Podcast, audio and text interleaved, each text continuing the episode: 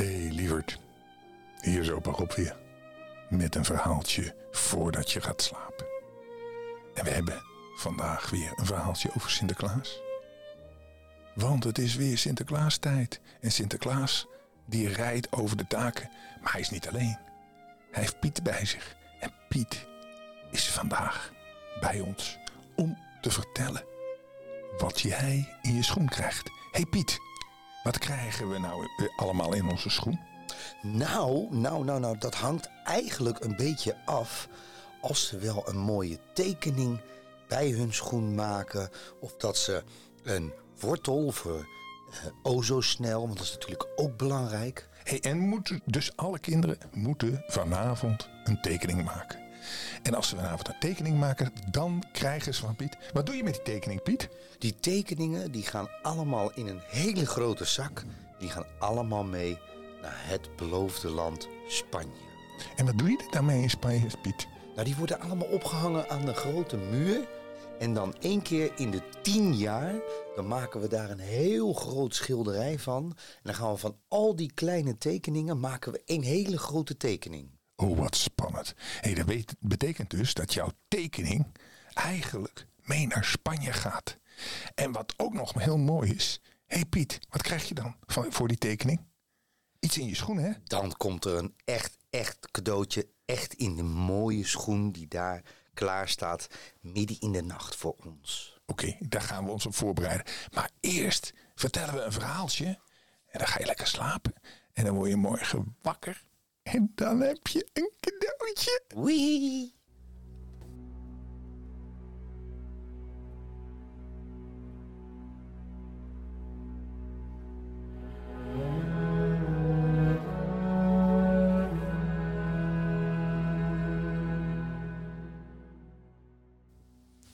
Het verhaaltje van vandaag gaat over een boze kabouter. En het is een verhaaltje uit Spanje. Piet heeft het me verteld. Er was dus een student en die hield van een mooi meisje. Maar haar ouders verboden haar om met hem om te gaan, omdat hij veel te arm was. Toen besloot het meisje het huis van haar ouders weg te verlaten en weg te lopen. En ze sprak af met haar vriend dat hij haar s'nachts zou komen halen om samen te gaan vluchten. En dan zouden ze trouwen in een kleine kapel boven op de berg. Afgesproken tijd ging het meisje naar het balkon en zij zag buiten in de duisternis een jongeman aankomen. Die een paard aan de teugels hield. Ze dacht dat het haar geliefde was en ze zei: Kom eens dichterbij en pak mijn koffer aan. En de jongeman nam zwijgend de koffer aan en het meisje liet zich langs een touw naar beneden glijden, steeg op het paard en reed samen met de jongeling weg. Het verwonderde haar wel dat haar vriend geen woord tegen haar zei. En toen het licht werd, zag ze dat die jongeman helemaal niet haar vriend was, maar een onbekende jongen. Hij was toevallig voorbijgekomen toen zij op het balkon stond. En toen zei ze tegen hem: Hé, hey, Breng mij in godsnaam niet verder. Laat me maar hier. En de jongen hield stil. En het meisje steeg af van het paard en ging op haar koffer zitten. En de onbekende jongen reed verder. Spoedig daarna kwamen er herders langs. Oh, wat een monderschoon meisje, zo mooi als de jonkvrouw Maria, zeiden ze. En ze namen haar met zich mee. In het dorp waar de herders woonden, leefden een man en een vrouw. En die hadden geen kinderen. Zij namen het meisje bij zich in huis en zorgden goed voor haar. Ze zeiden dat zij niet eens hoefde te werken. Maar ze stond erop om samen met de herderinnen uit de buurt de schapen te gaan hoeden. En liet zich daar niet van afbrengen. Zo bracht ze de dagen bij de schaapskudde door. Toch beviel het haar niet in het dorp, want alle mensen leefden in grote angst om wat er in het nabijgelegen paleis gebeurde. Iedere dag werd er namelijk iemand uit het volk door het lot aangewezen die dan s'nachts bij de zieke prinses in de kamer moest gaan slapen. Maar nooit was er iemand levend uit dat paleis gekomen. Op een dag viel dat lot op de familie bij wie het meisje woonde. En toen ze dat vernam, zei ze: Ik wil niet dat iemand uit dit huis in de kamer van de prinses gaat slapen. Ik zal dat zelf doen. En ze ging naar het paleis. Toen de koning haar zag, zei hij: Ja, maar ik kan niet toestaan dat zo'n mooi meisje zal sterven. Degene die door het lot was aangewezen, moet in de kamer van de prinses sluiten, slapen. Het meisje smeekte er echter zo dringend om dat de koning tenslotte toegaf. S'avonds ging het meisje in de kamer van de zieke prinses op een bed liggen.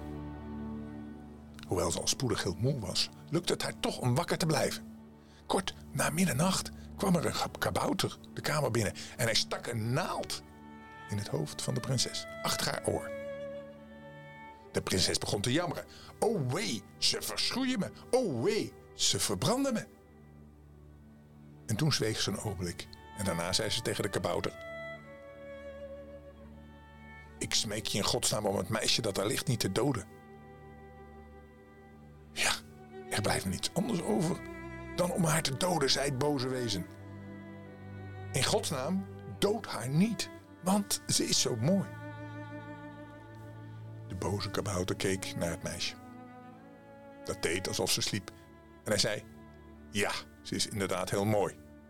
Daarom zal ik haar pas doden als het dag wordt. En daarop verliet hij de kamer. Het meisje was nog steeds wakker gebleven en stond op liep stilletjes achter de kabouter aan. Hij ging in een andere kamer binnen en begon te schrijven. Steeds las hij wat hij opgeschreven had en dan gooide het, het velletje papier daarna in een ketel die boven het vuur hing.